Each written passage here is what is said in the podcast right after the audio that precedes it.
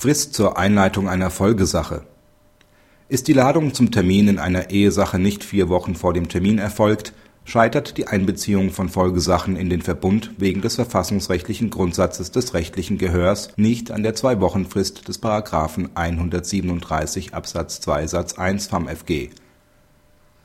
Die Beteiligten beantragen die Scheidung.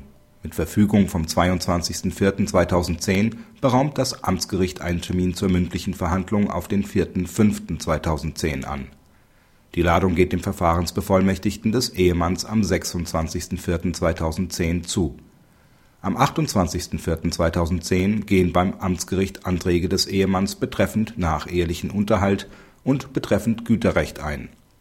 Das Amtsgericht führt die mündliche Verhandlung durch und scheidet mit Beschluss die Ehe der Beteiligten die weiteren Folgesachen werden im Verbund nicht geregelt, da diese wegen der Versäumung der Frist des § 137 Absatz 2 Satz 1 FamFG nicht in den Verbund gelangt seien.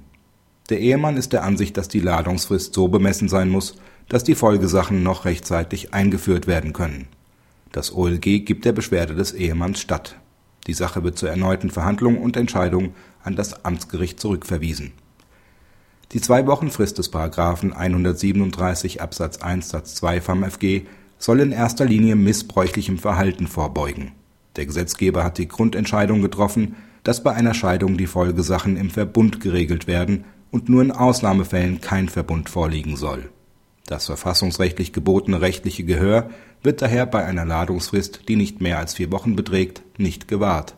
Praxishinweis die Vorschrift des § 137 Absatz 1 Satz 2 FamFG hat nach der Reform des Verfahrensrechts für reichlich Diskussionen gesorgt.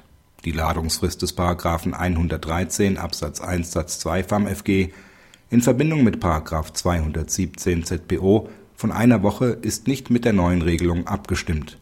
Nach dem Beschluss des OLG liegt ein neuer Richtwert vor. Gleichwohl sollte sich kein Verfahrensbevollmächtigter darauf verlassen, dass bei einer Ladungsfrist von vier Wochen oder weniger die Folgesache zum Verbund gehören wird, gleichgültig, wann diese eingebracht wird. Es gilt daher, dass die Zwei-Wochen-Frist eingehalten werden sollte, soweit dies angesichts der Mindestladungsfrist von einer Woche möglich ist